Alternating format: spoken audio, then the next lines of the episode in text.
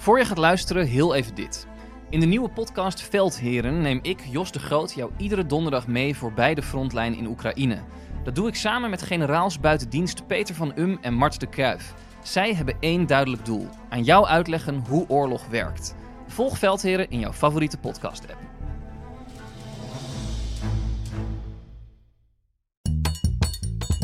Welkom bij de audioversie van de Atlas. Wij zijn drie geografen en in onze ogen is elk land de moeite waard. Zelfs de kleinste dwerglandjes en eilandstaatjes.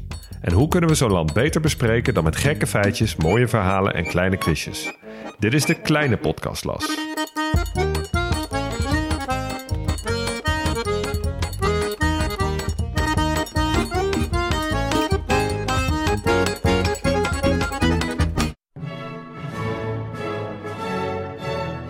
Quizje. Wat hebben Groenland, de Afsluitdijk en Equatoriaal Guinea met elkaar gemeen? Het antwoord: hun namen zijn misleidend en onjuist. Als je je hoofd hierover wil breken, we zien je bij het eind van het volkslied weer. En dus welkom bij de aflevering over Equatoriaal Guinea. Het land dat van een dependance zijn hoofdkwartier maakte. Waarvan de geschiedenis leest als het script van een serie die door elke zenderbaas weggehoond zou worden. Waar de baas van het land zo ongelooflijk rijk is dat de onderkant van de quote 500 waarschijnlijk onder de armoedegrens leeft. Maak je klaar voor een aflevering over een wilde rit die de andere landen hopelijk bespaard blijft. Oh, en voor wie is blijven hangen bij het quizje? Wakker worden. Ja, het quizje over de misleidende naam en de onjuiste naam. Wel goed gevonden. Wat is er precies onjuist, Max? Zal ik het meteen maar even uit de doeken doen? Verklap het. Zij heette Equatoriaal Guinea, wat een verwijzing is natuurlijk naar de Evenaar. Maar ze liggen niet op de Evenaar. Dus ze hebben een eh, eilandje en ze hebben een mainland Afrika stuk. En ze liggen allebei of ten zuiden of ten noorden van de Evenaar. Maar nergens Ja. liggen zij op de Evenaar. Dus je zou zeggen, gemiddeld Equatoriaal Guinea was beter geweest. Zou Mediaan. Equatoriaal, Guinea. ja, zou al een stuk Sorry. beter zijn. Maar sowieso, fix je naam, hè? Ja, De zoveelste Guinea, dat Kom punt aan. 1. En dan, ja, oké. Had jij niet een mooie schrijfwijze gevonden waar we met het kunnen afkorten? Eh, ja, ik heb wel eens eh Equa-Guinea gelezen en Equato-Guinea. Dat je niet... eh nou, vind ik dat nog steeds scheelt toch weer weinig. twee lettergrepen. Ik maar zeg dus heet het EQGU. oh ja. EQGU. Nou, dat Ja. gaan we vandaag niet doen. Equi. Ja, Ja. maar dat gaan we niet doen. Maar ja. Equatoriaal Guinea. Kom on jongens. Dit, hey, dit land verder. is toch wel echt misschien eh, een van die Afrikaanse landen die het snelst in je leven nooit tegen zal komen. Toch? Dit, is de, nee. dit is de grootste Ik, kans ik dat denk je... dat hij ook vaak vergeten wordt. Ja. Ja. want je hebt ook geen enkele reden om dit land te kennen. Nee, ik, Het is er nou eenmaal, maar ja, Ja. goed. ehm, Leon, ik weet, jij hebt het eerste hoofdstukje. Is dit de wildste rit die je hebt gehad met onderzoeken? Nou, het, is, het, was, het was echt een achtbaan. Het was echt een achtbaan. Ik Ja. heb hem ook opgeschreven als een achtbaan. Ik ga jullie er straks in meenemen. Ehm, maar het, is, het, het listige van dit soort onderzoekjes is dat, je, dat er zoveel idiote verhalen zijn over zo weinig mensen. Dat je echt moet oppassen dat het niet een soort ja, een strip-karikatuurachtige situatie wordt. Waarbij je alleen maar iemand belachelijk gaat maken. Zonder dat je uitzoomt naar de rest van het land, zeg maar. Mhm. ja. En dat, dat ligt hier wel heel erg op de loer. Ja, Ja, maken ze het ook wel een beetje zelfs zelf voor, voor mijn hoofdstukje achteraan. eh, met sport. Oh ja? Oké, nou ik ben heel benieuwd. Ja, Ja. ik ook. Ik eh, wil wel graag nog even inzoomen op eh, wat, wat mooie mails die wij altijd krijgen van luisteraars. Doen we niet zo heel vaak. Doen we nu wel eventjes. Want we kregen een mailtje van Mick. En eh, Mick die had ehm, de aflevering over Peru geluisterd. Ja, ik weet, het is heel lang geleden. Maar die, eh, we, daar hebben we het gehad over de Chasqui. Leon, die had een Zeker. soort van de Sherpa's van Peru, maar dan die... dat Ja, die postbodes. Die Ja. gingen dan volle bak rennen en zo. Dat zijn mensen die wonen diep hoog in de bergen. En die hebben daar dus gewoon ja, een voordeel. Levend op hoogte. Ja. En nou is er iets als de Inca Trail Marathon, dat mailde Mick. En ehm, die werd dus gewonnen eh, door die mensen, de- door die Chasky. En daarvan hebben ze het nu gezegd van... jongens, jullie mogen niet meer meedoen. Eh, is het zo? Omdat zij dus zo hoog wonen en daar dus g- gewend zijn aan het feit dat ze hoog leven... en dus gewoon een natuurlijk voordeel hebben. En nu hebben zij dus die groep Ja. uitgesloten van die wedstrijd. dat is Ja. Fucking lijp. Mick was ook echt verontwaardigd Hij was in zijn echt mail. verontwaardigd, ja. Ja, snap Hij ik. vroeg wat wij ervan vonden. En in Ja. een vervolgmail zei hij nog... eh, ik, eh, ik heb een paar keer tijdens hele lange Zuid-Amerikaanse busreizen jullie geluisterd. En eh, ik viel steeds in slaap bij sommige afleveringen. En ik viel dus in slaap bij de Paraguayaanse soja. Werd wakker bij de Mongoolse paarden en ontwaakte volledig bij de start van Tajikistan. Dan heb je een mooie wereldreis ik gemaakt. echt Ja. een hele lekkere. ja, heerlijk. Nou, mogen we ook nog wel even wat vrienden van de show noemen. En dat zijn in dit geval Henninger, Joni, R.J. van de Cayman-eilanden, Lexico, Cecilië en Ecuadorus, Jorrit, Lisa en dan de allermooiste Sven Spils. Sven Spils. Hij heeft ook toevallig een, of niet toevallig, een letse vriendin. Dus dan wordt hij nog mooier. Dus je heet en Sven en het is Sven Spils. Nou, je begrijpt het. Dan Marijn Meijer, Jeroen Vanuatu Hees, Gonnie van der Zwaag, Rutger Waldemar en Jos Cairo. Lekker. Goed gegeografiseerd weer, dankjewel. Jullie Ja, zijn zo. echt geweldig. En welkom bij het leger vrienden van de, show, Ja. vrienden van de show dat we inmiddels hebben. Hey, en die, eh, die Sven Spils, die, die mailde ons dus ehm, met zijn, die jongen met die letse vriendin. Ehm, we hadden het in de aflevering van Letland over dat ze zoveel karwijzaad gebruikten. Jij had het in de aflevering dat Oh ja, over. Sorry, ik had het daarover.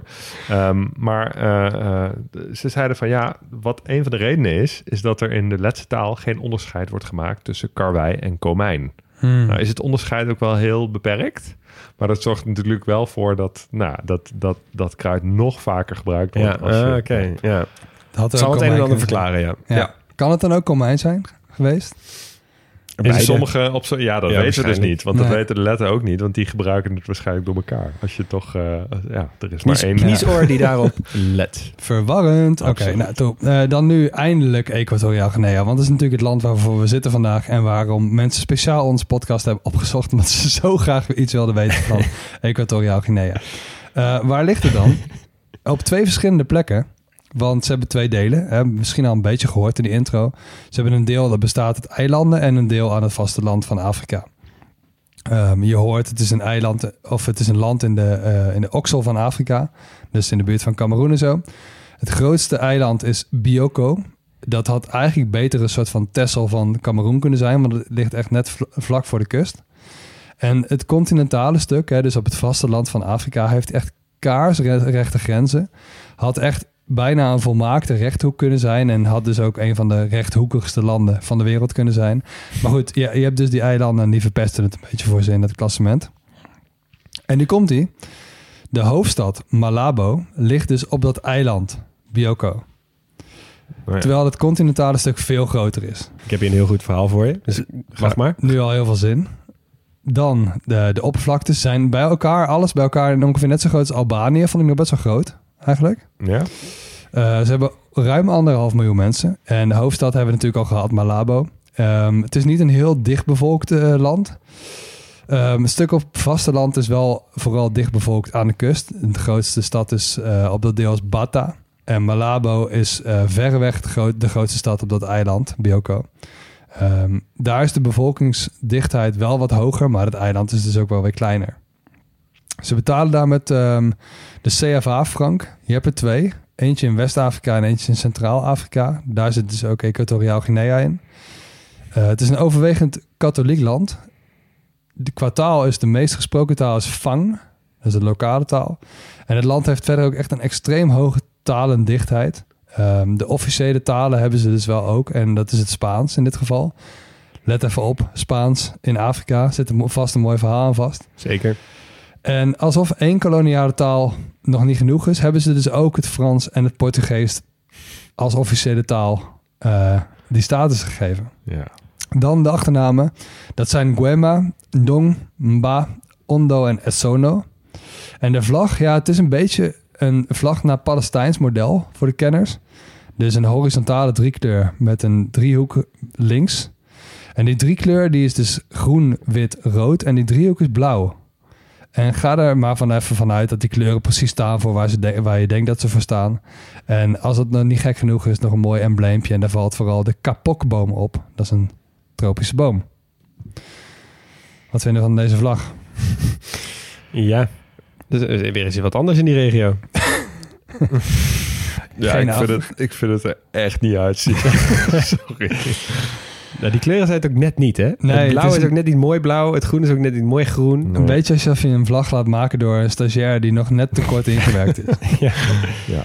Nee, oké. Ehm, geen voldoende. Balen. Onvoldoende.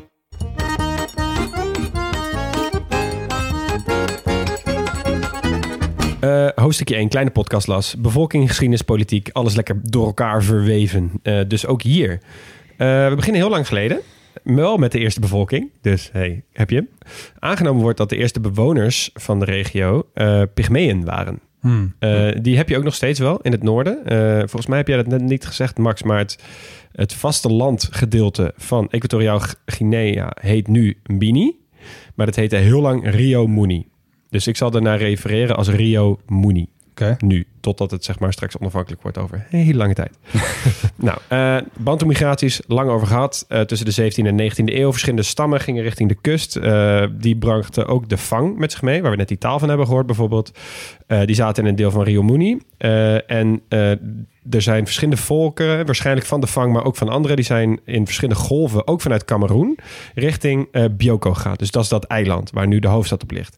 Die volken kennen we nu als de Bubi-volken. B-U-B-I, Bubi-volken.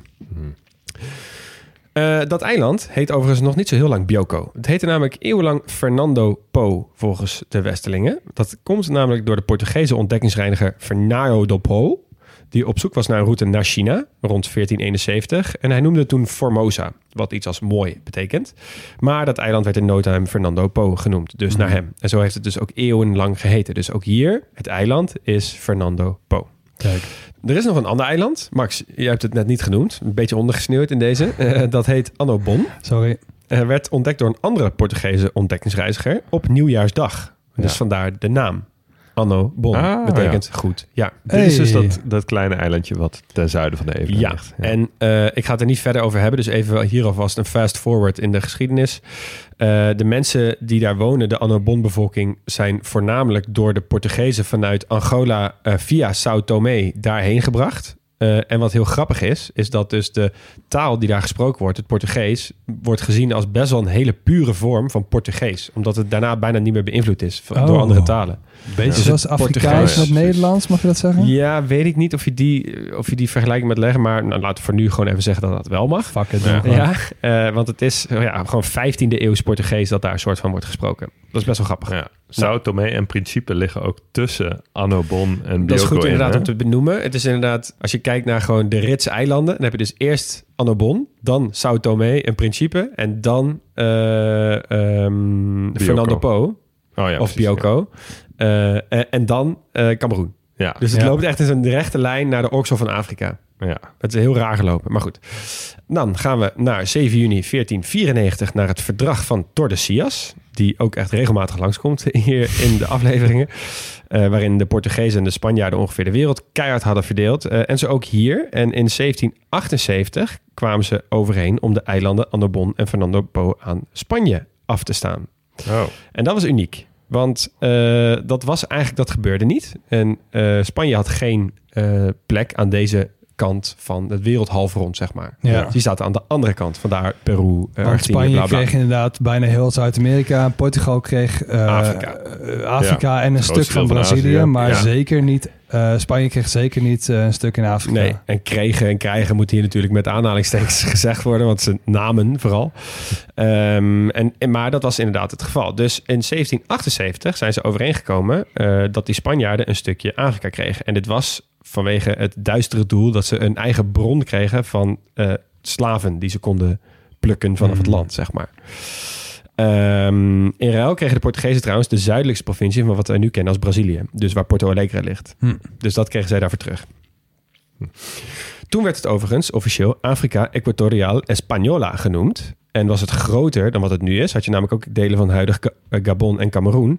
En liep de Evenaar er wel doorheen. Hey, Dus oké. hier dus- Ah, komt toen het was het nog vandaan. oké. Ja, Oké. en toen heette het dus Afrika Equatorial Española. Oké, het is ze vergeven. Ja. Toen nog wel. Dus goed. Aanvankelijk concentreerden de Portugezen en dus daarna de Spanjaarden zich vooral op het eiland, Fernando Po. Wat we dus nu kennen als Bioko. Ehm, ehm, maar in tegenstelling tot veel andere Atlantische eilanden bleef Fernando Po tot aan het begin van de 20e eeuw een verhaal van mislukte Portugezen en vervolgens Spaans imperialisme. Ze probeerden het wel, maar het lukte ze niet. Ze hebben echt alles geprobeerd om het eiland over te nemen en eh, en die mensen daar tot slaaf te maken. Maar het lukt ze gewoon niet. Die boobies die daar zaten, die gebruikten de bossen en de ge- geografie van het eiland om te vechten tegen die mensen die probeerden aan te haken. En het, het, het- ja, het lukte ze gewoon niet. Die guerrilla-oorlog. eh, Guerrilla-oorlogen. Dus Ja. dat eiland was echt een soort dorp in Gallië in eh, de oksel van Afrika. Ja. Terwijl zeg maar de transatlantische slavenhandel daar dwars doorheen liep. Want als je die kaarten ziet van vroeger waar dat allemaal vandaan kwam, die komen bijna allemaal langs dat eiland Fernando Po. ja. Maar er werd dus helemaal niet gebruikt als slavenpost. Sterker nog, toen in die golf van Guinea eh, de slavenhandel helemaal omhoog ging, ging het in Fernando Po naar beneden. Hmm. Dat is best wel knap. Hm. Ehm, en ook wat ik niet wist, is dat Groot-Brittannië in 1808 de transatlantische slavenhandel binnen het Brits- Britse Rijk had afgeschaft. 1808. Ja. Let wel, slavenhandel, dus niet slavernij. Nee, precies. Belangrijk verschil. En wat ze toen hebben gedaan, is in eh, die golf van Guinea, dus waar dit, dit eiland ligt, hebben ze de West Africa Squadron gestart. Dat is gewoon een vloot van oorlogsschepen die slavenhandel tegen moest gaan. Ja, Zij hebben in de ja daar loop- waren ze echt vroeg mee. eh, waren ze echt Britten. vroeg Ja. mee. En in, in al die operaties zijn ze erin geslaagd om ongeveer 6% van de transatlantische slavenschepen te veroveren en zo'n 150.000 Afrikanen te bevrijden.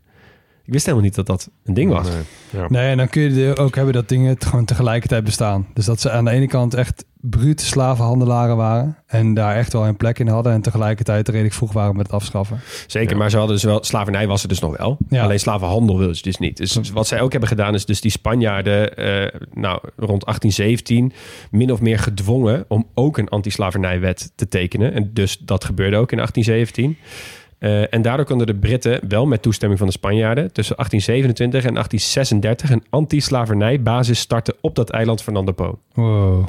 En daardoor werden de Britten ook soort van de facto eh, verantwoordelijk voor het bestuur van dat eiland. En vestigden ze heel veel ehm, tot slaaf gemaakte mensen die ze niet konden achterhalen waar ze vandaan kwamen. Ze hadden die schepen, hadden ze dan, eh, daar zaten dan tot slaaf gemaakte mensen op. Dus ze wisten niet waar ze vandaan kwamen. En als ze dat niet konden achterhalen, hebben ze ze zo nu en dan wel eens op Fernando Po gedropt. Zo van, nou oké, dan ben je in ieder geval, heb je een soort van eigen land wel. Ja. Ja. Beetje als Liberia. Ja, Ja. Sierra Leone. Ja, more or less inderdaad. Ehm, ze hebben overigens nog een tijdje geprobeerd om dat eiland te kopen van de Spanjaarden, dus die Britten. Maar die Spanjaarden die wilden dat niet. Eh, en nou, lang verhaal kort, uiteindelijk werd het in 1844 werd het weer Spaans. Eh, ondertussen was Spanje bijna compleet van het wereldtoneel verdwenen rond deze tijd. En helemaal rond de eind 19e eeuw.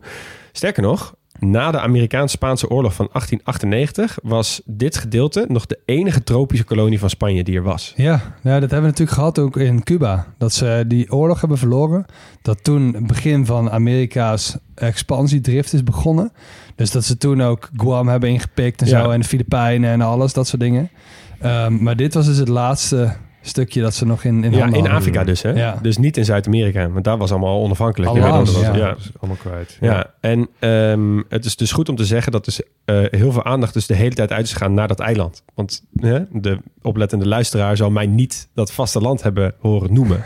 Want het kreeg bijna geen aandacht. Eh, en eh, die Fransen, die zagen dus ook de combinatie van... oké, die Spanjaarden boeit dat vasteland niet. Bovendien zitten ze in de put, want ze hebben eigenlijk niks meer. En ze hebben toen eigenlijk dat vasteland eh, van Equatoriaal Guinea... op zo'n manier hervormd vanuit Gabon en Cameroen... wat we nu kennen als Gabon en Cameroen... dat het dus de huidige vorm heeft gekregen. Ja. Dus hiervoor ja. was het een stuk groter, maar ze hebben het soort van... ah, dit is nu van ons. Ja. En hebben ze het dan, is het dan ingekort tot aan het stuk dat ze nu hebben? Ja. Als in, want eh eh, Cameroen en Gabon waren natuurlijk Frans. Ja. Hebben die Fransen het dan op ze veroverd of zo? Of- ja, ze hebben gewoon... volgens mij hebben ze gewoon die grenzen... een soort van opnieuw getekend. En die Fransen, of, eh, Spanjaarden hadden gewoon niet zoveel in de melk Waarschijnlijk was daar ook gewoon niet zo heel veel. Nee. Ik bedoel, het is tropisch gebied natuurlijk. Uh, die grenzen waren heel sowieso dicht bevolkt. Ja. Ja, maar en- toen zijn ze dus wel hun ligging boven de equator kwijtgeraakt. ja, precies. Dus toen was het geen Equator, Nee. Real Guinea meer, inderdaad. Ehm, maar goed, ehm, die Spanjaarden zagen ook, oké, we hebben hier nog wel een eiland. Eh, en toen kwam de ehm, opkomst van cacao- en koffieplantages. Die hebben ze op dat Fernando Po-eiland eh, gecultiveerd en extreem eh, groot gemaakt. En toen de Spaanse burgeroorlog uitbrak, dus dat, nu hebben we het nu over Franco-tijd, zeg maar, halverwege de jaren 30. Toen steunden die plantagehouders op het eiland, steunde Franco. Oké. Dat is gelukkig voor hen, en ja, kut voor de wereld, dat Franco won. Want daardoor kreeg Spaans Guinea, zo heette het al een tijdje inmiddels, kreeg de status van modelkolonie.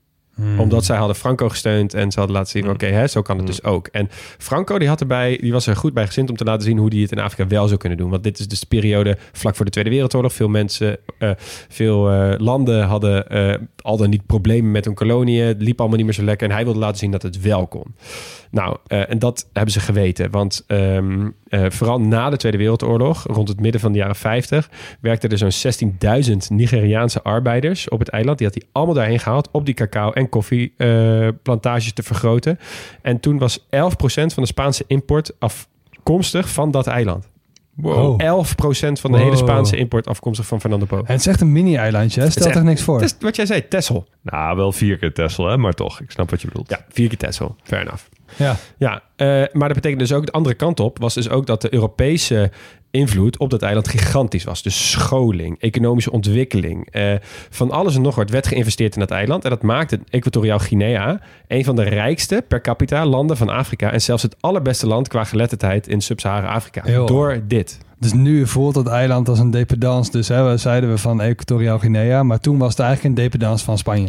Nou, precies. En dat, dat vaste, eh, zeg maar, het, het vaste land van, eh, van Equatoriaal Guinea, dus dat wat toen Rio Muni heet, dat was eigenlijk gewoon een, een, een aanhangsel van hoe belangrijk dat eiland wel niet was. Wow, je, je zag het ook in Sao Tome en Principe. Dat waren ook hele, eh, economisch hele belangrijke eilanden Ja. voor Portugal. Ja, En Ook heel nu klein. begin ik het ook wel iets logischer te vinden dat die hoofdstad daar ligt. ja, Ja, ik ook. Ik begin te snappen. terecht ook, want al die tijd werd Rio Muni compleet verwaarloosd. Eh, en het is dus ook helemaal niet gek, als je kijkt naar de tijdsgeest, dat hier het antikoloniale initiatief startte. Ehm, opkomst, uiteraard, werd ehm, de, de, de reactie van Spanje was uiteraard een militaire bezetting en onderdrukking. Eh, en hier zaten dus de Fang. Die Boebi zat op het eiland en de Fang zat op het vasteland. En die Fang die werden dus in de loop der tijd ook veel gedwongen om te werken op de cacaoplantages op Fernando Po. Hmm. Nou, je kan je voorstellen wat dat doet met de onderlinge verhoudingen. Eh, en eh, wat, ook, wat ik ook las, wat nog erger was, is dat de strijd tegen de vang op het vasteland tijdens die militaire bezetting van die antikoloniale opstand werd ook gebruikt als trainingsveld voor sommige van Franco's aanhangers. Dus die zagen dat ook, wat we ook bijvoorbeeld zagen in Namibië met de Duitsers, zagen ze hier ook als een soort van, oh ja, dit kunnen we later straks voor onze grote vaderlandse oorlog eh, op het thuisfront ook weer gebruiken. Ja. Goed, Niet Eh, fijn voor de landen zelf over het algemeen. Nee, nooit fijn. Eh, in de jaren 60 leidde anti-Spaanse mobilisatie tot eh, enige autonomie voor Guinea. Eh, en dat volgde door volledige onafhankelijkheid in 1968. Hmm. Dus we gaan hier even snel doorheen. Wel bizar eigenlijk dat deze landen na onafhankelijkheid samen zijn gebleven. Dus dat, dat, dat Bioko Ja. en, eh en Bini, dat die niet los van elkaar Ja, verder dat een soort Sao. Tome in principe is geworden. Ja, want die Fang en die Bobby, die, die mochten elkaar dus eigenlijk niet zo. Nee, nou ja, ik weet niet of ze elkaar niet mochten, maar het werd in ieder geval zo georchestreerd dat ze ja, elkaar... precies. De die- verhoudingen waren niet Ja, optimaal. die boebi die kregen goede opleidingen. Die, Ja. die kregen die kennis mee van hoe je zo'n plantage moest runnen. Die kregen eh, gezondheidszorg. En die vang die werden gewoon een soort van verwaarloosd. Ja. Ehm, en dat hebben ze geweten ook. Want ehm, de eerste president na de onafhankelijkheid... dat was Francisco Macias Nguema. Die kwam dus van Rio Muni. Was dus een vang. En hij had niet zoveel op met die boebi. Nu wordt het eh, interessant. Nu gaan we die achtbaan in. Dus nu gaan we zitten. Doe even die riem om eh, die je hebt. Hè? Dus eh, stel je voor dat dat ding gaat naar beneden. Tak, tak, tak, tak, tak. Nou, we gaan eerst even een stukje omhoog die achtbaan in. Luisterde niet tijdens het eten of onder de dekens net voor het slapen Nee. gaan. Nou goed, hij eh, greep de macht. Eh, we gaan deze man gaan we even Macias noemen. Macias greep de macht. Eh, in eerste instantie leek het erop alsof hij nog verder ging met de manier hoe het ging. Maar werd al snel vrij fel anti-Spaans en anti-koloniaal. De Spanjaarden die in het land waren, die vluchtten massaal na een speech van hem... waarmee hij echt keihard uithaalde naar de Spanjaarden. En ook zijn politieke tegenstanders, die waren al dan niet met geweld onschadelijk gemaakt... eh, verdwenen in een cel, werden onder verdachte omstandigheden dood aangetroffen... eh, voor iets anders. Nou, dit is wel je regular eh, overname. Dus we zijn nog steeds omhoog aan het gaan in die achtbaan. Dan gaan we nu volle bak naar beneden. Komt-ie. Hij prees publiekelijk de figuur van Adolf Hitler... Ah, Hij zei dat Hitler de Afrikanen wilde redden en noemde zichzelf een marxistisch Hitlerist. Wow. want die waren heel De goede enige vrienden met ter elkaar. wereld. That's the first. Ja. Hij was op 1 januari jarig en hij liet dus iedereen aftellen tot zijn verjaardag in plaats van het nieuwe jaar met oud en nieuw. Eh, op kerstavond 1969 liet hij 186 vermoedelijke dissidenten executeren in het nationale voetbalstadion van Malabo. Waarbij de soldaten verkleed waren als kerstman. Hen neerschoten terwijl de versterkers het lied van Mary Hopkins, Those Were the Days, op herhaling afspeelden. Echt waanzin. Toet toet. Eh, in 1970 verbood hij alle politieke partijen behalve zijn eigen. Hij kroonde zichzelf tot president voor het leven en hij ging nog even verder. Want hoe langer hij op de troon zat, hoe compleet meer paranoïde hij werd. In 1974 liet hij massaal tegenstanders van zijn regime executeren.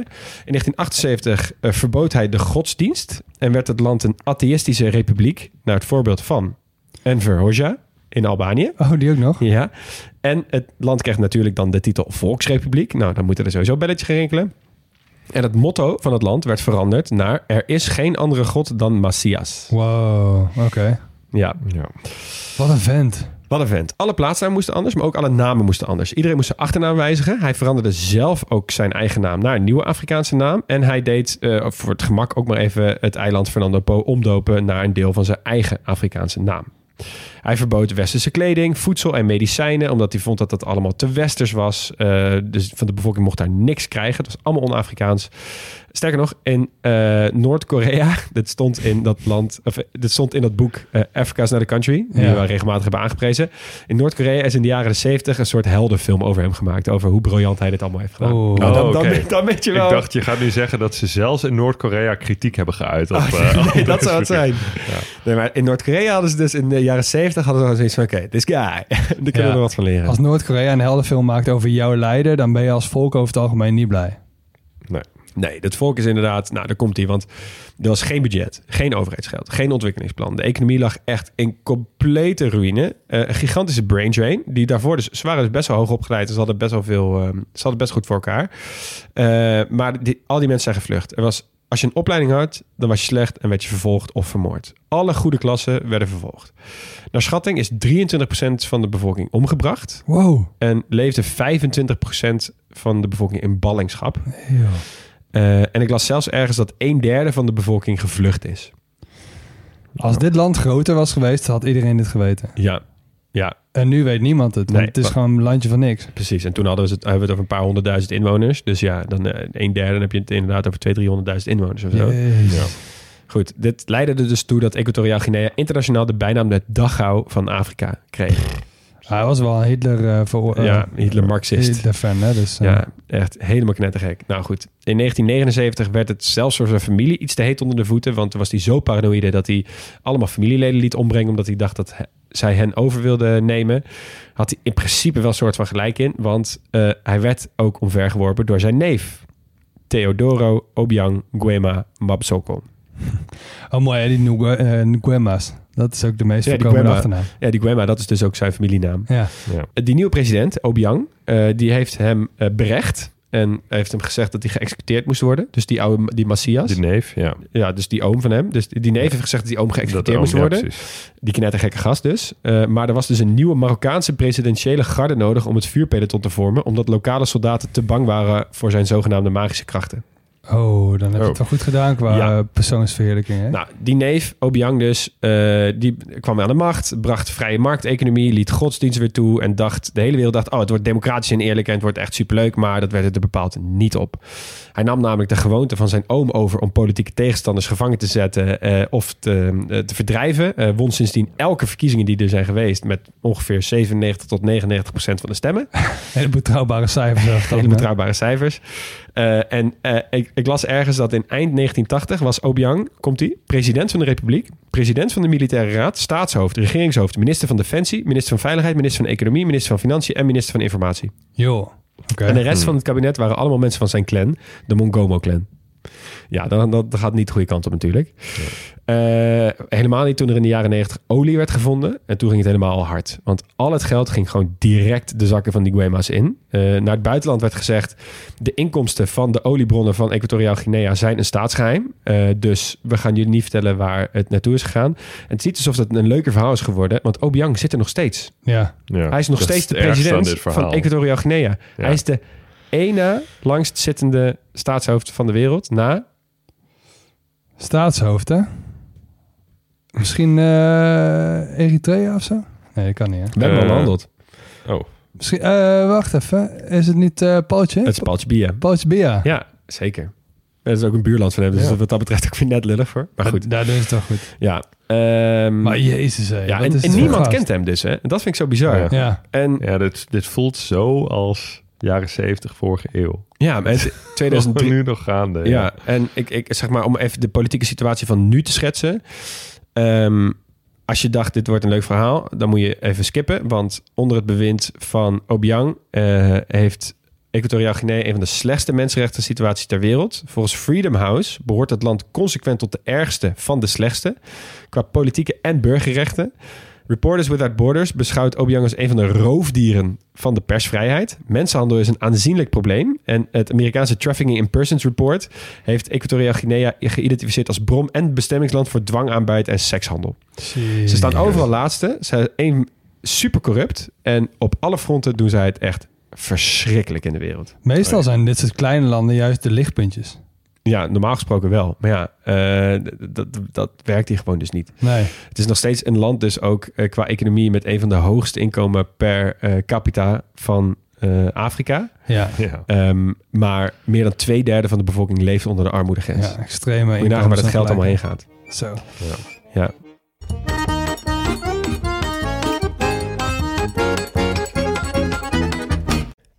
Stop de podcast, want onze sponsor van vandaag is niets of niemand minder dan de Philips Sonicare. Jazeker, de elektrische tandenborstel van Philips. Maar wel eentje die er poetst en ook zo uitziet. Want eh, de borstels van deze Philips Sonicare zijn ovaal en langwerpig en die bewegen heen en weer net als bij een normale tandenborstel. Oh, dat is chill. Want Max, jij poetst nog altijd analoog, toch? Ja, Of ik had- ik had daar, Voordat eh, je deze kreeg. Ja, ik had daar één pk voor nodig inderdaad. ja. Ja, Dat deed ik altijd zelf. Ja, dus wij kregen er eentje. En eh, ik dacht, nou, ook om jullie te vermaken, maar ook om mezelf. ehm, ik ben even de geografische geschiedenis van de tandenborstel ingedoken. Dus, Dit was een mooi onderzoek zeker. heerlijk. Waar denken jullie dat de eerste tandenborstel, of in ieder geval ontdekt is? Ja, we kunnen niet... Het kan niet anders dan dat we dit al heel lang doen. Echt sinds de oudste beschavingen. Ja, nou, Ja. je zit ongeveer juist. Want ehm, wat ik vond is dat Babylonische koustokjes de vroegste vorm Oh. van mondsverzorgingsdingen zijn. Oh, dat is ook nog wel ouder dan ik had verwacht. Ja, dus 3500 voor Christus. Ehm, eh, eeuwen later ontwikkelden de Chinezen tijdens de Tang-dynastie de eerste tandenborstel met echt borstelharen. Eh, en die innovatie die heeft Europa bereikt via de zijderoute, dus de klassieke variant, en werd uiteindelijk in Frankrijk gespot rond het jaar 1560. Dan skippen we even vooruit naar ehm, de Brit William Addis. Want die zat in 1770 in de cel. En die zag een gevangenisbewaarder met zijn bezem de grond schrobben. En die dacht, hé, hey, wacht eens even. Dit kan je ook met je mond doen. Dus eh, hij heeft toen een eh, borstel gemaakt door varkensharen aan een bot te bevestigen. En toen hij vrijkwam, is dit de eerste tandenborstel die massaal werd geproduceerd en algemeen beschikbaar was voor meer mensen. Dus hij wordt een beetje gezien als de vader van de tandenborstel zoals wij die kennen. Shout-out William Addis. ja. En nu hebben wij hier wat door tandheelkundige professionals over heel de wereld wordt aangemerkt als het meest aanbevolen Sonische tandenborstelmerk, namelijk die Philips Sonicare. En de lieve mensen van Philips hebben ons er eentje opgestuurd, dus ik ben vooral benieuwd. Max, wat vind je ervan? Ja, mijn leven zal nooit meer hetzelfde zijn. Nee, eer- ja, eerlijk, ik deed dit altijd zelf. Dus ik poetste altijd zelf. En ik heb ook wel elektrische gehad. En dan merkte ik dat ik die beweging nog steeds zelf aan het maken was. Ja, Ja. Maar dit is een heel goede combinatie van beide. Want ik hou me gewoon mijn borstel stil. ja, Maar dat ding poetst voor me. ja. Dit is, ja, Ja. Ja, voor mij is het ook wel een uitkomst. Want ik, ik poets al wel een tijdje elektrisch. Met een beetje pijn in mijn hart. Ik heb altijd een beetje heimwee gehad naar analoog poetsen. En ik was ook echt weer toe aan een nieuwe borstel. Dus ik vond het echt super chill dat we er gewoon in opge, opgestuurd krijgen. Ik voel me ook eens echt een zieke influencer. Ben je ook? Zei jij niet ook dat, dat jij hem pas toevallig juist op je verlanglijst hebt Ja, gezet? ik had hem echt de dag voordat ze hiermee kwamen... had ik hem eh, op mijn verlanglijstje voor mijn verjaardag gezet. Nieuwe tandenborstel. En Leon, Dus- jij, leest, jij leest dit, dit hele mooie studietje nou voor met, met heel veel bombardie. Maar jij was ook die man die zei dat hij al 15 jaar dezelfde tandenborstel had. toch? Zeker, Dus ja. dit kwam wel echt uit voor ons. Ja, het kwam Ja. echt fantastisch uit voor Ja. ons. Nou, wil jij ook tot 20 keer effectiever je tanden poetsen en net zo blij zijn zoals deze drie heren dat zijn? Eh, ga dan absoluut voor een Philips Sonicare. Eh, want ik zou bijna willen zeggen, dit is wel de nieuwste innovatie van een 5500 jaar oud modelletje. En dan gaan we nu terug naar de podcast. Terug naar de podcast.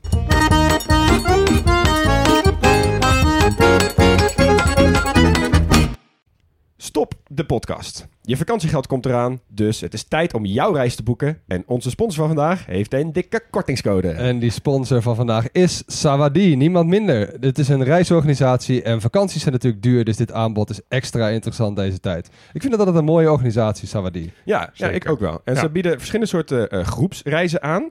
Eh, en vandaag gaan we het even hebben over die ze aanbieden aan de 22 tot 35-jarige backpackers. En dat zijn over het algemeen mensen die wel wat meer willen weten over het land dat ze bezoeken. En dus niet zomaar van A naar B die hotspots aflopen, busje in, busje uit.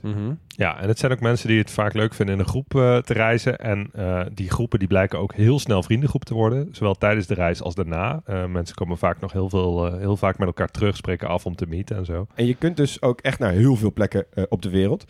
Populair zijn op dit moment plekken als Zuid-Afrika, Marokko, Jordanië, Colombia, Nepal.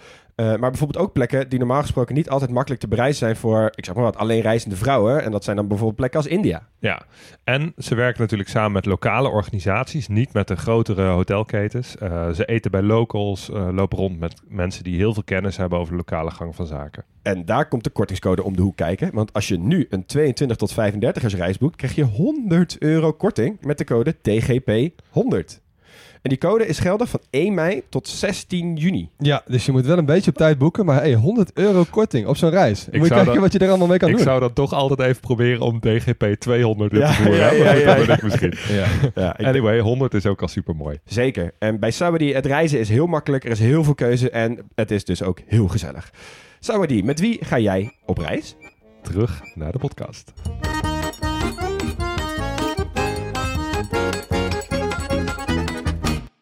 Nou, eh, Leon Boelens, veel dank. Kan ik vanavond niet meer slapen. Ja, het zijn jullie om er nu iets leuks van te maken. hè, Ja, deze daar heb ik wel wat, eh, wat mooie hoofdstukjes voor. Dus in ieder geval even de natuur. Dit hoofdstukje is vooral natuur. En een klein beetje toerisme, een klein beetje economie.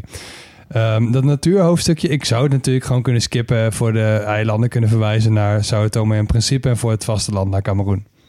Die hebben we allebei al gemaakt. Maar Ja. zou ook een beetje flauw zijn. Maar ook niet helemaal onterecht. Want dat eiland, Bioko, is echt perfecte samenvatting van die twee. Want ehm Bioko en eh, Sao Tome en Principe dus ook... zijn onderdelen van de Cameroon Line. We hebben het net al een beetje besproken weer... maar die grens tussen Cameroen en Nigeria... is één grote lange rij met vulkanen. Maar die stopt niet daar. Die stopt ook, eh, die gaat ook veel verder. Het is een hele lange rij met vulkanische eilanden... die dus de zee ingaat. En Bioko is de eerste daarvan. En de grootste ook, trouwens. En ehm, ze hebben dus waarschijnlijk ooit ook aan het vasteland van Cameroen vastgelegen. Dus allemaal beestjes zijn allemaal die kant op gewandeld en zo. Ik kon helaas niet vinden of er ook sprake is van dwergvorming en eilandgigantisme. Waar ik jullie mooi iets over uitgelegd eh, gelegd heb in Malta. Eh, ik heb echt best wel lang gezocht, maar kon het even niet vinden, helaas. Maar vast staat wel is dat Bioko wel echt een hotspot is voor biodiversiteit. En als ik aan het begin eens even zeg dat je als toerist wel echt overal heen kunt, zolang je maar een beetje oppast en alles intact laat, dan zou ik op zich niet liegen. Eh, als je erin komt, slash wilt, want alles is best wel duur daar. En visa waren ook altijd best wel moeilijk om te krijgen. Tegenwoordig is het ietsje beter geworden. Maar ehm, ze hebben nu nog voor drie niet-Centraal-Afrikaanse landen geen visum nodig. Als welke eh, drie landen zouden dat zijn? Dus inwoners van welke drie landen buiten Centraal-Afrika hebben nu geen visum nodig? Portugal, Oh jeetje. Spanje. Nee, die gaan nooit raden. Het is Tunesië, Turkije en Barbados. Wat? ja, Waarom? Ik lijp. graag dat Rihanna die kant op kon. blijkbaar. dus goed, nou ja, goed eh, dan nog even wat, eh, wat dieper de natuur in. Ehm, er komen daar zeven apensoorten voor die met uitsterven bedreigd worden. Eh, vooral omdat er op, op ze gejaagd wordt voor hun vlees. Eh, maar er is één plek waar ze alle zeven nog leven en dat is de Gran Caldera Scientific Reserve. Met zo'n naam mag je aannemen dat er goed voor die beestjes gezorgd wordt. En dit is echt regenwoud zoals je hoopt dat het is. Ehm, het staat wel een beetje onder druk omdat de infrastructuur rondom en naar dat park steeds beter wordt. Dus het wordt toegankelijker en tegelijkertijd wordt er niet echt actief gehandhaafd tegen stroperij. Maar overal staat het gebied wel echt nog steeds wel prima voor. En dat is een beetje de zuidwestkant van dat eiland Bioko. In een caldera dus, als ik de naam eh Ja. moet geloven. Ja, dus nogmaals vulkanisch inderdaad. Ja, Ja, ja. En we hadden het over, eh, eh, we hadden het pas bij Papua Nieuw-Guinea over landen met relatief veel bos. En ehm Equatoriaal Guinea staat dus één plek boven ze. Maar wel met veel verschil, want Papua Nieuw-Guinea heeft iets van 78 tot 80 procent bos en Equatoriaal Guinea iets van 87. Dus dat is echt Wow. het begin van de echte toppers, zeg maar. Ehm, in Afrika is er één land dat boven ze staat. Heb je enig idee? Hmm. Gabon of zo? Ja, Gabon is het. Oh ja? Buurland. Ja. Ja. En het vasteland van, eh, van, van Equatoriaal Guinea is ook deel van de Centraal-Afrikaanse mangroves. Dat is ook een eco- eco-regio. dat is natuurlijk maar een heel klein stukje. Hè. Eh, hebben jullie enig idee welk land het grootste deel voor zijn rekening neemt van dat hele gebied? Centraal-Afrikaanse Republiek. Nee, mangroves. Eh, oh, dat is aan het water. Cameroen? Nee, Nigeria? ja, Nigeria. Ja, en daar heb je dus ook wel in het zuiden een hele hoge bevolkingsdichtheid. Maar in La behalve Lagos niet echte kuststeden. En dat komt dus vooral door die mangroves dus. Ik zou dus denken Ja. dat, dat daar alles al is weggevaagd vanwege al die olie die ze voor de kust hebben gevonden. Ja. Dat ze al die mangroves als eerste sneuvelen. Precies. Ja, die zit ook wel een beetje in de verdrukking. En daarom, ik dacht er inderdaad ook van, die Nigeria-aflevering, die zit waarschijnlijk zo vol met allemaal dingen, dat we die mangroves eens even lekker hier gaan doen. Want ja, een klein landje en voor de rest niet zo heel boeiend. Ja, Dus we gaan het even lekker over mangroves hebben. Heb je zin in? Zeker. Ja, ik ben benieuwd. Ik weet eigenlijk niet zoveel over mangrove. Nee, maar het is wel de moeite waard. Want we hebben het in de aflevering Friesland gehad over de Waddenzee. Dat het grootste getijdengebied van de wereld is. Dit is de tropische variant. Het mangrovebos. Ja. Is een gebied dat af en toe onderloopt. Dus door rivierdelta of door een stuk kust dat gewoon vaak overstroomt met het getij. En de bossen daarvan, die hebben wortels onder water, vaak in zout of in brak water. En dat zijn de enige bomen die goed tegen zout water kunnen. Ja. Dus dat is alsnog al wel vet. Maar het wordt nog wel, wel beter. Want die wortels die steken dus toch ook nog wel uit tot net boven het water. En beginnen dan op enige hoogte pas te groeien als een normale boom of struik. Dus je hebt eerst een stuk wortels boven Ja. water en dan uiteindelijk wordt het pas boom. Voor de voorwaarde is wel dat je niet een al te sterke sla- golfslag hebt. Of een koudwaterstroom. Ja, dan gaan Dus- ze gewoon eh, door. Dan gaan ze gewoon dood. Ja. Of golfsto- golfstroming is ook niet echt handig. Nee. En nu wordt het wel vet, want die wortels die maken dit alles echt wel tot wat het is. Ehm, ze hebben meerdere functies tegelijk. Want onder water houden ze dus zand en modder vast en verankeren ze dus die boom zelf. En doen ze dus wat voor zichzelf, maar ook voor het gebied. Want geen erosie, dat soort dingen. Ja. Maar die bomen zelf, die hebben dus ook wel zoetwater nodig. Dus in de wortels van sommige soorten zit een filter die 90% van het zoutwater eruit kunnen filteren, tot zoetwater dus. En Oh. andere bomen hebben dus speciale klieren in hun bladeren en ze zweten dus als het, water, als het ware zoutkristallen. Wat? dus als je ook aan die Oh, bladeren likt, zijn ze dus ook zout. Wat goed. Vet lijp. goed, Ja, mooi. Maar ze doen nog meer. Want die bomen die hebben ook nog zuurstof nodig. En je hebt dus soorten die hebben ademwortels. Dus die gaan van een beetje verticale snorkels. Dus die zo gewoon omhoog staan. en je hebt ook soorten die in grote bogen in de grond staan. Dus die verankeren tegelijkertijd zichzelf. En dat deel dat boven het water zit, daarmee pakken ze dus ook wat zuurstof mee. Dus, Waar, yo, ik denk dus de hiervoor, was mijn, bossen die zijn echt de moeite waard. hiervoor was mijn lievelingsorganisme mos. Zoals we het al een paar, paar afleveringen geleden hebben gedaan. Re- dan reken je buiten de Ik wou, ik wou net zeggen, ik denk dat mangrove die doet wel echt een flinke steek naar de Zo, troon hier Ik hoor. ook. Ik zat wel even te denken, waarschijnlijk hebben we echt allemaal luisteraars die nu echt met veel lijpere dingen gaan komen, komen over mangrovenbossen. Ja, Krijgen we vast. een, een, een Komende mail van de bioloog met echt 18 kantjes Ja, ik over denk mangroven. sowieso steeds vaker. Ik had biologie moeten gaan studeren. Oh, Nou, Ja. trouwens. Nee, Ja, ik wou net zeggen, jij durft. Ik ben niet ontevreden met mijn, st- met mijn studiekeuze. maar nou ja, als mensen komen met feitjes, we, we kunnen ze misschien nog wel op gaan noemen in de komende tijd. Ehm, ze zijn ook belangrijk trouwens, die bossen. En eh, het krioelt daar echt van de beestjes. Dus hoeveel gebieden ken je ook echt die onderdag bieden aan nijlpaarden, haaien, schildpadden en tijgers. Dus niet in Afrika natuurlijk, maar hè, ook gewoon in Bangladesh en zo.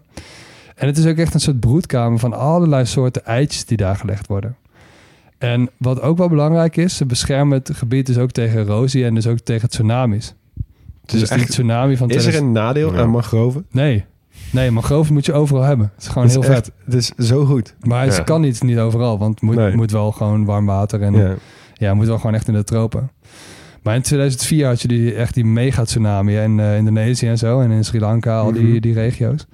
Ehm, en daar is dus toen aange- aangetoond dat die mangroves de allerbeste bescherming waren voor dorpen die on- ongeschonden uit de strijd kwamen. ja, dat hebben we een keer eerder genoemd. Ja? Ja, ik weet niet precies waar. Sri Lanka misschien. Ja. Ja, zou kunnen. Ja, ik las ergens, het gaat, het gaat zo ver dat de impact van zo'n tsunami voor 90 tot 100 procent wordt opgevangen door een goed werkend mangrovenbos. En Ja. andersom is het ook wel pijnlijk dat dus de plekken waar die mangroven sterk beschadigd waren, precies de plekken waren waar de schade dus echt gigantisch was. Dus Indonesië en heel veel andere, eh, andere Aziatische landen... die hebben dus nu plannen om die nieuwe mangroves aan te gaan leggen. Ehm, dat is ook wel een beetje de regio waar je trouwens de meeste mangroves ziet. Ja. Ja. Indonesië en die regio. Ik vind het sowieso wel een mooie ontwikkeling in eh, landen dat ze dus eigenlijk na jarenlange industriële revolutie erachter komen dat de allerbeste bescherming tegen natuurlijke krachten de natuur zelf is. Ja, precies. Gewoon Dus bos. dat ze inderdaad gewoon van die overvloeingsgebieden maken en van die meanderende rivieren of in dit geval dus mangroves. Ja. Om gewoon ervoor te zorgen dat de gevolgen van klimaatverandering en de stijgende zeespiegel en dat soort dingen het best kunnen worden opgevangen door de natuur. Ja, precies. Ja. Ja, nou, dat was het hoopvolle Ehm, nadeel was wel een beetje dat wereldwijd ehm, die mangrovenbossen dus wel echt tot de meest kwetsbare natuurgebieden horen. Ehm, en ook wel echt tot de meest bedreigde. In de afgelopen 40 jaar is eh, de omvang van die mangrovenbossen met 30 tot 50 procent afgenomen. Dat is Ja. echt Ik wil dit helemaal niet weten. Ja. Nee, dat wil je inderdaad helemaal niet weten. Ja, het is natuurlijk wel logisch, want het is voor, voor menselijke ontwikkeling en economische activiteit is het natuurlijk helemaal niet handig. Nee. Want je, Nee. kan er, je kan de grond niet benutten. Het ontneemt je eigenlijk de toegang tot open water. Ja. Dus je kan het niet benutten. Je, kan daar geen, je hebt daar geen stranden op Nee. een plek waar je een mangrovenbos hebt. Je Geen kunt er havens. haven bouwen. Nee. Nee. Ja. Nee, ik zag ergens eh, stijgende zeespiegels natuurlijk kut voor die, voor die bossen. Eh, de opwarming van het water. Eh, stedelijke uitbreiding, ontbossing door landbouw. Maar dus bijvoorbeeld ook een hele grote invloed van garnalenkwekerijen. Oh, In ja. andere delen daar de ook veel. Ja. Maar goed, er zijn dus wel heel veel initiatieven om bij te planten. Dus ik zou echt zeggen van eh, let's go eh mangroves. Want Ja. ja. ze zijn gewoon best wel cool. We respect voor gehad, mangroves. Nu zeker. Ja. Dan nog even wat economie. want Equatoriaal Guinea heeft dus die CFA-frank, zeiden we in het paspoortje al. In 1984 werd die aangenomen ter vervanging van hun eigen Equelle. Nou, Dat is een mooi pubquizvraagje. Ja, dat was wel leuker geweest. Die CFA-frank, eh, we zeiden al even, er zijn er twee dus. Eh, de West-Afrikaanse versie en de Centraal-Afrikaanse versie. En eh, de Equatoriaal Guinea eh, is dus een vreemde eend in de bijt. Want het is de enige die geen Franse kolonie was in dat Centraal-Afrikaanse deel. Want Spaans. Ja. Nu even een quizje voor de luisteraar. Eh, ga dit lekker in je eigen tijd doen. Maar zo'n vreemde eend heb je dus ook in de West-Afrikaanse versie. Als je weet welke het is, geef maar even door. Of doe gewoon een dansje voor jezelf. Eh, ik ga nu ook het antwoord natuurlijk niet prijsgeven. Ik weet het. Oh, heel goed. Als je verder wil weten wat ze op economisch gebied eh, te bieden hebben, moet je dus even kijken naar hun exportpaspoortje. En dat is echt voor 90% gevuld met aardgas en vooral aardolie. Die liggen echt perfect, want al die olievelden liggen in de oceaan. Die liggen echt precies zo dat ze binnen handbereik vallen van Equatoriaal Guinea. Dus die liggen gewoon net voor de kust van of het eiland of het eh, continentale stuk. Ja. En dat maakt ze dus een van de rijkste landen van Afrika. En per hoofd van de bevolking hebben ze volgens de Wereldbank 83 keer zoveel geld als de inwoners van Burundi. Maar goed, om je even uit een droom te helpen, dus het grootste deel van die bevolking is straatarm. En je Ja. kunt dus wel raden wie de inkomsten opstrijkt. Dus de Obiangs bijvoorbeeld. ja, die familie. Ja, we hebben er veel over gehoord. Laat ik even afsluiten met een stukje dat wel redelijk symbool staat voor hem. Ehm, de auto's van zijn zoon zijn in beslag genomen. Want hij werd in, Zwitserland aangeklaagd voor corruptie. Ehm 25 supercars zijn in beslag genomen. En die zijn dus ook geveild aan de hoogste bieder in Zwitserland. Voor 25 miljoen euro. Gemiddeld 1 miljoen euro per stuk. Ja. Nou, dat zijn echt dat zijn krankzinnige auto's. En de meeste die hadden dus echt nog geen duizend kilometer op de teller staan. En weet je wat zijn officiële inkomen was Nou, in die tijd? ja, weinig toch? 5000 euro per maand. Ja. Dus daar moet iets gebeuren. dat je dat daar moet iets doet. gebeuren. Slim gedaan. Ik zag ook ergens, de, de topstuk daarvan was de Lamborghini Ven- Veneno Roadster. Er zijn er maar negen van gemaakt. Ja. Die is geveild voor 8 miljoen euro. Maar dit is niet de enige shit. plek waar hij eh, bij is veroordeeld, hè? Want dit is in Zwitserland. Maar Ja. in 2017 werd hij in Frankrijk eh, tot drie jaar voorwaardelijk veroordeeld. Omdat hij eh, 155 miljoen euro verduisterd zou hebben. En de aller, allerbizarste vind ik. In de VS moest hij afstand doen van een strandhuis in Malibu van 35 miljoen dollar. Wat hij in cash heeft betaald. Nee. Hoe de fuck laat je een huis van 35 miljoen dollar Ja, in cash afrekenen? dat is, ja, nou, Waarom- waarom mag dat bestaan? cash over de grens? dat ja, mag niet en daar is bestaan. hij dus misschien ook voor gepakt. Nou goed. Ja. ja, ik wil hier... Ja, precies. Nou, dit is dus inderdaad die zoon van de huidige president. Ja.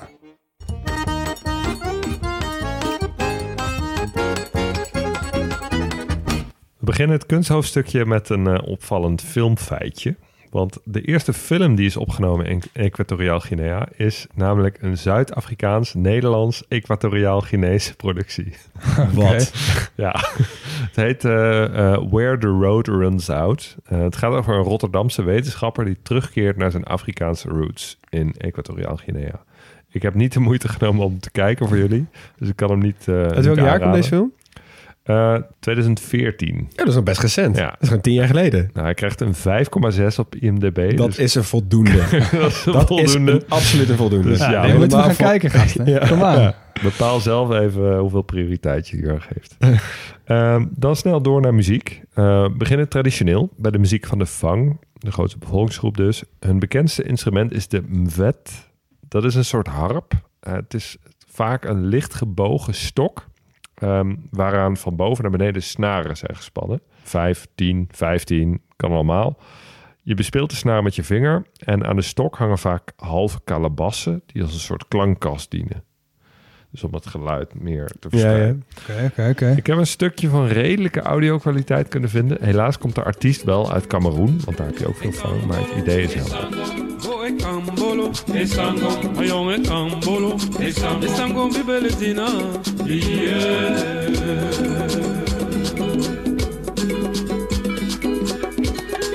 Makuru yanga elamangama yeah. Ik krijg, ik krijg meteen best wel um, Ariel-vibes. Weet je wel, kleine Zemermin-vibes. Ja, ik snap Een beetje een soort Ja. van...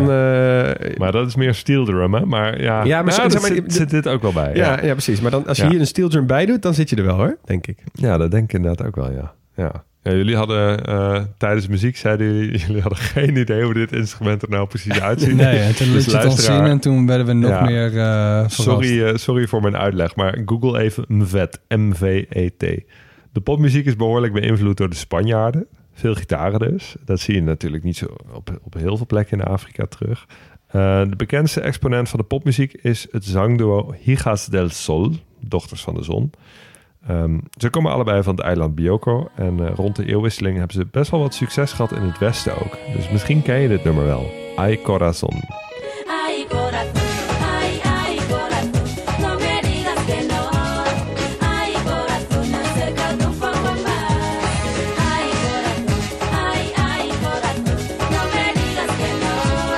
Kijk, opzwepend wel. Z- Zeker. Ik, ik zat net te denken.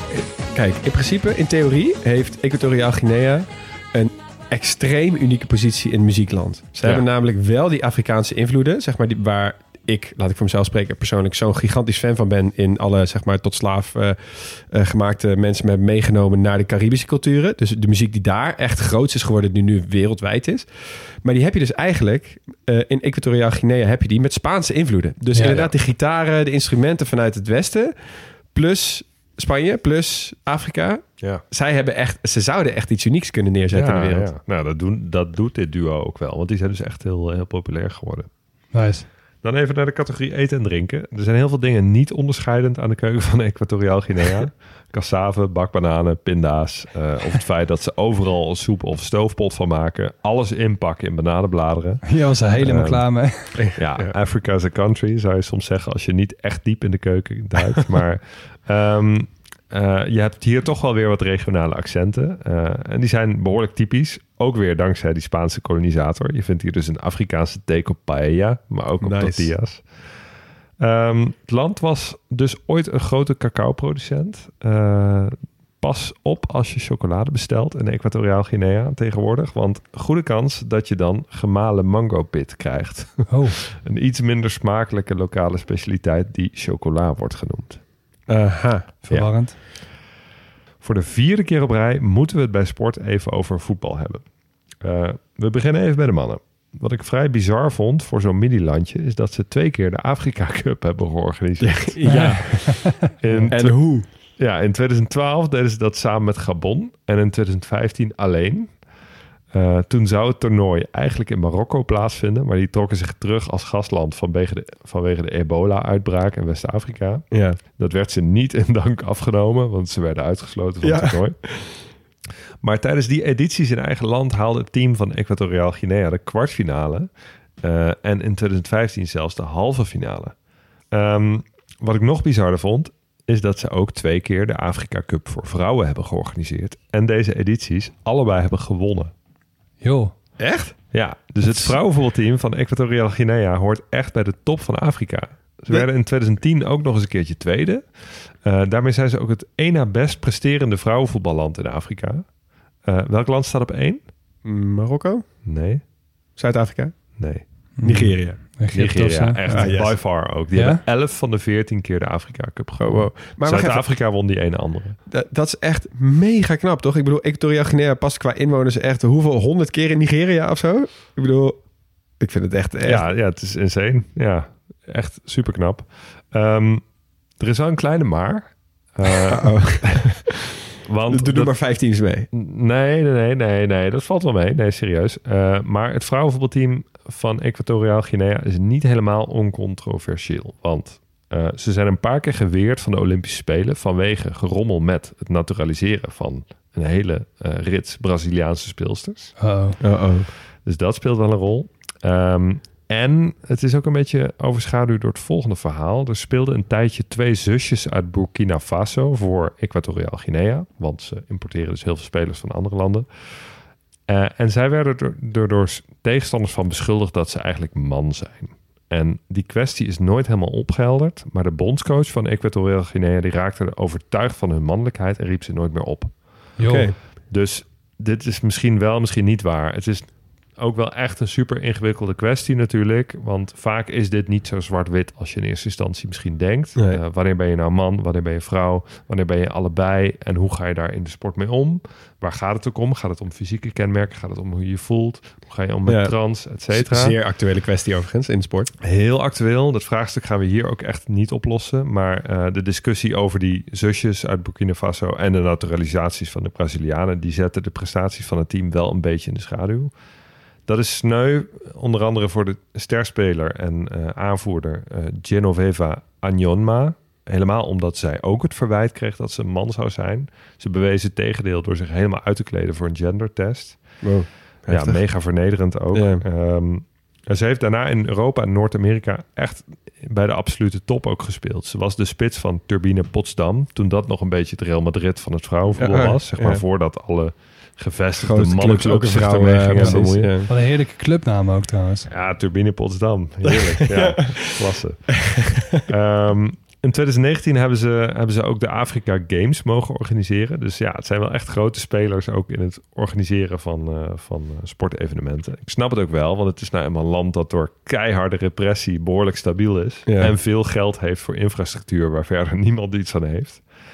Eh, dus ja, misschien wel de eerste Olympische Spelen in Afrika voor Equatoriaal Guinea. Nou, vooral die Afrika Cup in 2015. Want dat komt ook altijd terug in die politieke verhalen. Want toen Marokko zei, ja jongens, dit gaan we niet doen vanwege ebola. Dat zij zeiden, oké, doen wij wel. En dat ze echt in een paar maanden tijd... hebben ze gewoon alles uit de grond gestampt. En ja, het is gewoon in principe een soort van goed verlopen toernooi geweest. Ja. En ook dat ze tegen Marokko hadden gezegd... jullie willen niet organiseren? Prima, mag je ook niet meedoen. Toedeledokie, we doen het wel in Ja. Equatoriaal Guinea. Ja. Dus wat Qatar doet in eh, oliestaatjes, doen zij eigenlijk in Afrikaanse oliestaatjes. Ja, maar zeg maar, het was dan geweest alsof je tegen Qatar in september had gezegd dat ze in december het WK moesten organiseren. Ja, Ja. precies. Ja, Ja, ja, gewoon ja. gefixt. Ja. Voor de bekendste sportprestaties van Equatoriaal Guinea moeten we trouwens wel terug naar de Olympische Spelen van 2000 in Sydney. Eh, want wat was er aan de hand? Erik Moussambani Malonga, bijnaam Erik de Eel, eh, die mocht namens Equatoriaal Guinea uitkomen in het zwembad. Hij had nog nooit in een 50 meter bad gezwommen. Er deden in zijn eh, serie nog twee zwemmers mee, maar die hadden blijkbaar ook niet zoveel ervaring. Want die begonnen gewoon met zwemmen toen het startschot echt nog, nog niet eens een aantocht was, zeg maar. Nee. Die ging op de blok staan. Die ging water dus die werden allebei gedisqualificeerd. En Erik moest alleen zwemmen. Hij deed bijna twee minuten over de 100 meter. Ehm, waarschijnlijk alsnog sneller Ik dan sneller dan ik het zou doen. Ja. Zijn tijd was eh, eh, helaas te langzaam om door te gaan naar de volgende ronde. Dus ja, helaas, hij won dus zijn heat als enige. ja, wat goed. maar eh, hij mocht niet door. Wel chill dat je dan alsnog de bijnaam De Eel krijgt. Eric ja, De Eel. Ja, zeker. Ja. Ehm, even later mocht Paula Barilla Bolopa, bijnaam de Crawler, het proberen op de 50 meter bij de vrouwen namens Equatoriaal Guinea. Nou Ja, en door de opmerkelijke prestatie van, eh, van landgenoot Eric waren alle ogen op haar gericht. Oh, nee. Ja, natuurlijk. Eh, ze finishte in meer dan een minuut en werd eh, natuurlijk laatste in haar serie, maar wel onder luid applaus van het publiek. Ter vergelijking, Inge de Bruin die won dat jaar goud in een tijd van ruim 24 seconden. Oei, oei, oei, oei. Ja, dat vind ik stiekem wel van die mooie verhalen van Ik de ook. Olympische Spelen. Want in eerste instantie denk je altijd, oh wat sneu en oh we gaan mensen uitlachen. Maar op het moment dat iemand start, dan is eigenlijk alle goodwill en alle gunfactor is bij, zijn bij die personen in dit Tuurlijk. geval. Iedereen wil gewoon dat ze het goed gaan doen. Ja.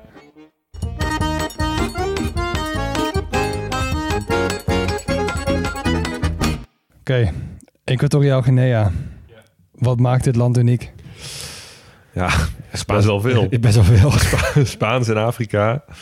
Zieke dictator, nog steeds. En ook echt, echt een zieke psychopaat, hè? Die Macias. Ja. Ziek goed vrouwenvoetbal elftal. We hebben het nog niet eens gehad over het feit dat we dus een nieuwe hoofdstad gaan bouwen Oh ja. op het eh, vasteland. Dat zijn ze dus ook nog aan het doen. Maar daar Ja. weet dus niemand van wat de status is, omdat ze het dan helemaal stilhouden.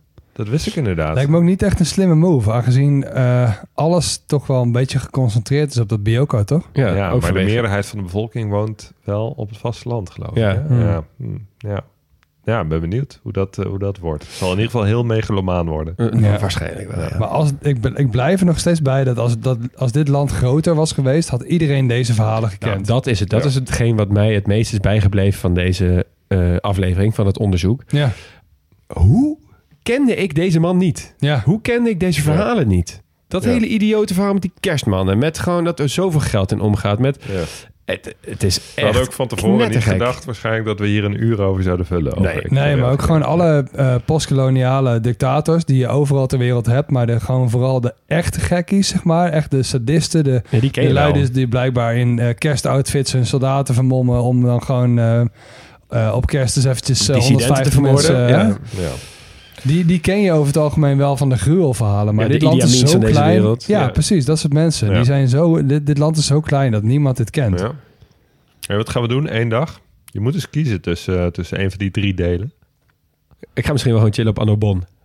Oh. Ja, echt? Ja, ja, het liefst zal ik wel in een dag helemaal zien. eh, Ja, nou, Hmm. ja. Ik zou zo in ieder geval een van de twee eilanden doen. Dus ik, doe, ik, ga, ik ga voor de veilige keuze. Ik ga voor het andere eiland wat, wat jullie kiezen. Oh, vet. Oké, ik ga naar het vasteland. Sowieso, dan? ja, ja, ja. Want ze hebben dus een hele grote eh, soort van eh, Landscape Integrity Index. Hoe, de- hoe het dan ook heet. Maar dat ze dus gewoon eh, goed zorgen voor hun natuur. Waarschijnlijk omdat ze gewoon hun geld halen uit olie. Maar het vasteland is, net als Gabon, eh, ja, best wel dicht regenwoud. Ja, daar wil ik wel heen. Ja, jullie zijn allebei sukkels. Ik ga op een fluisterbootje door de mangroven heen. eh, Ja. Oh, shit. Ja. Ik ga met je mee. Ja. Mag niet, ik ga alleen. Doei. Hey, eh, topluisteraars, heel erg bedankt voor het luisteren naar dit hoofdstuk van de kleine podcastlas. Je hoorde Leel Max Scherts en Hugo Noordman. En Jonas van Impen die doet de eindmontage. Nooit volledig, wel origineel. Geen experts, wel liefhebbers. Volg ons via Twitter of Instagram op @grotepodcastlas en kijk op de website grotepodcastlas.nl. Oeh. Volgende week reizen we door naar Estland. Adios.